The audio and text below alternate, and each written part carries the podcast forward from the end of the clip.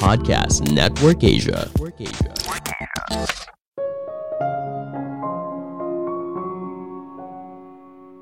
Humor adalah pil ajaib untuk membuat situasi lebih cair, membuat kita jadi lebih dekat, dan memahami satu sama lain. Halo semuanya, nama saya Michael. Selamat datang di podcast saya, Sikutu Buku. Kali ini saya akan bahas kalau pemimpin hebat sering kali menggunakan humor untuk melancarkan usahanya. Ini merupakan rangkuman dari video TED Talk Jennifer Acker dan Naomi Bagdonas yang berjudul Why Great Leaders Take Humor Seriously dan diolah dari berbagai sumber. Humor sering kali dipandang sebelah mata. Padahal semakin karirmu meningkat, humor semakin memegang peranan penting. Coba bayangkan kamu sebagai CEO perusahaan. Kau pastinya harus bertemu banyak orang kan? Nah, ketika kamu bisa mencairkan suasana dengan humor, maka hal ini akan berdampak sangat positif. Tingkat kesukaan mereka kepada kamu akan meningkat. Pada akhirnya, kamu akan lebih mudah menjalin komunikasi dengan orang lain. Sebelum kita mulai, buat kalian yang mau support podcast ini agar terus berkarya, caranya gampang banget. Kalian cukup klik follow. Dukungan kalian membantu banget supaya kita bisa rutin posting dan bersama-sama belajar di podcast ini.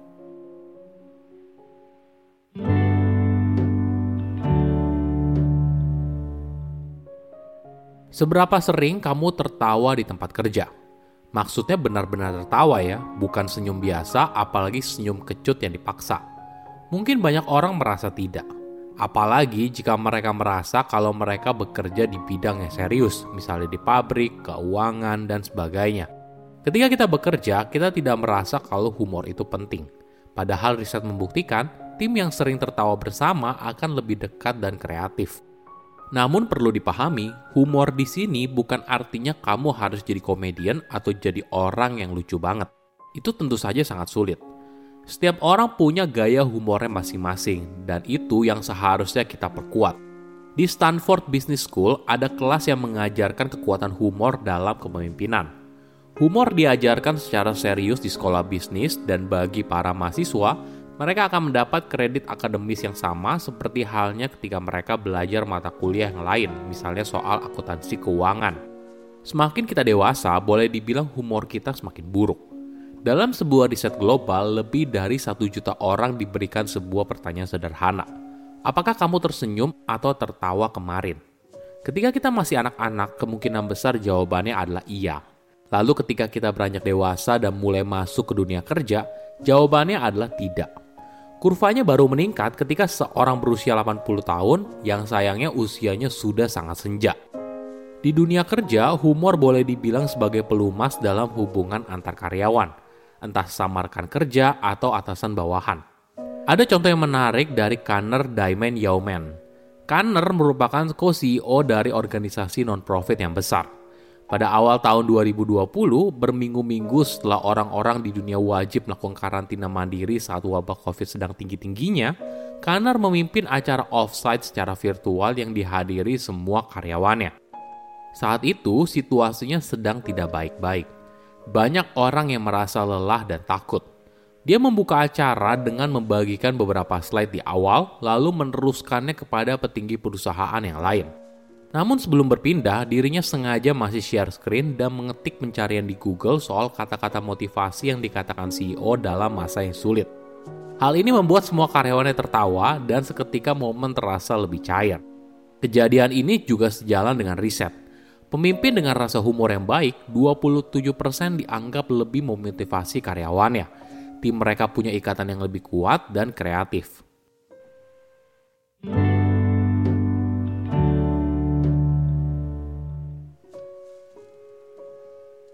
Humor punya keajaibannya sendiri. Humor bisa membuat seorang merasa punya kedekatan dengan orang lain. Ketika orang asing bisa tertawa bersama sebelum memulai pembicaraan, maka mereka merasa punya hubungan yang lebih dekat dan pada akhirnya lebih bersedia menceritakan hal yang bersifat pribadi. Bahkan ketika pasangan mengingat momen ketika mereka tertawa bersama, hal ini mampu meningkatkan 23% kepuasan dalam hubungan percintaan mereka. Loh, kok bisa? Apa yang terjadi?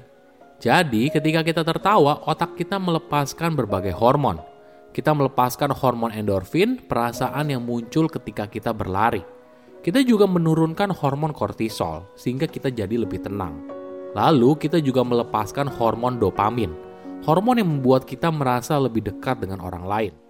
Ini yang ajaib soal humor. Jadi, bagaimana agar kita bisa menjadi orang yang lebih lucu? Rahasianya adalah jangan berusaha untuk melucu. Cobalah perhatikan apa yang sebenarnya terjadi. Setiap orang punya gaya humornya masing-masing. Kadang tanpa disangka hal ini merupakan hal yang lucu.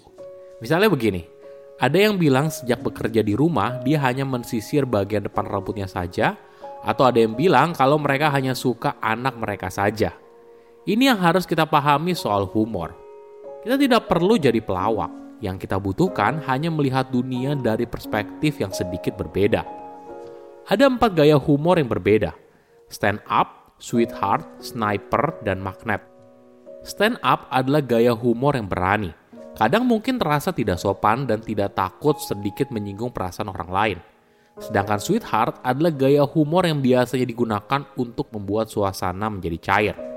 Sniper adalah gaya humor yang sarkas, tidak terduga, dan mungkin saja tidak cocok dalam situasi tertentu. Terakhir adalah magnet. Ini merupakan gaya humor yang ekspresif, karismatik, dan mudah membuat orang lain tertawa. Semakin kamu mengenal gaya humormu dan juga lawan bicaramu, maka hal ini akan mempermudah kamu membaca situasi dan tahu kapan harus berhenti. Yang paling penting, hindari membuat lelucon soal suku, agama, ras, dan antar golongan. Bukannya lucu, malah hal ini bisa membuat situasi jadi nggak enak.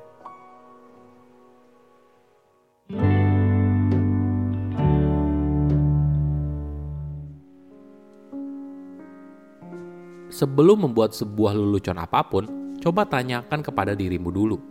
Apabila kamu menghilangkan bagian yang lucu dari apa yang ingin kamu sampaikan, apakah hal tersebut masih pantas untuk dibicarakan di depan audiensmu sekarang? Jika iya, silahkan.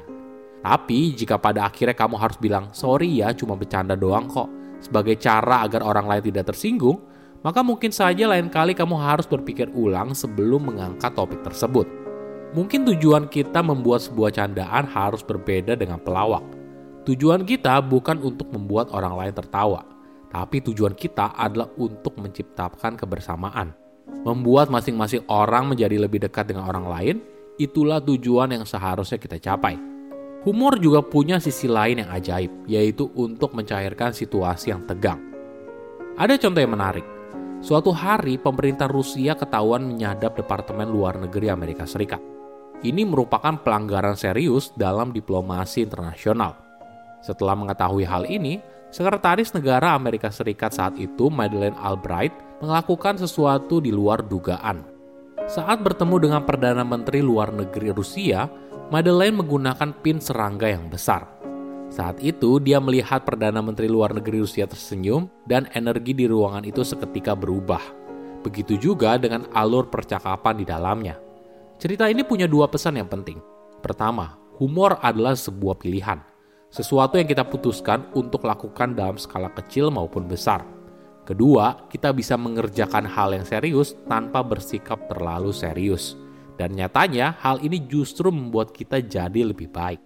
Saya undur diri, jangan lupa follow podcast Sikutu Buku. Bye-bye.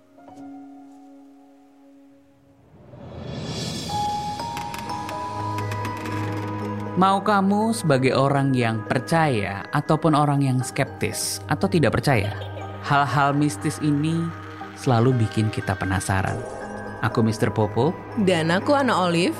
Kita bakal ngebahas tentang dunia hal-hal mistis yang ada di sekitar kita. Nah, kalau kamu gimana nih? Kamu adalah tipikal orang yang percaya adanya hantu atau enggak? Makanya dengerin podcast kita di Ada, ada Mereka di Sekitar Kita. kita.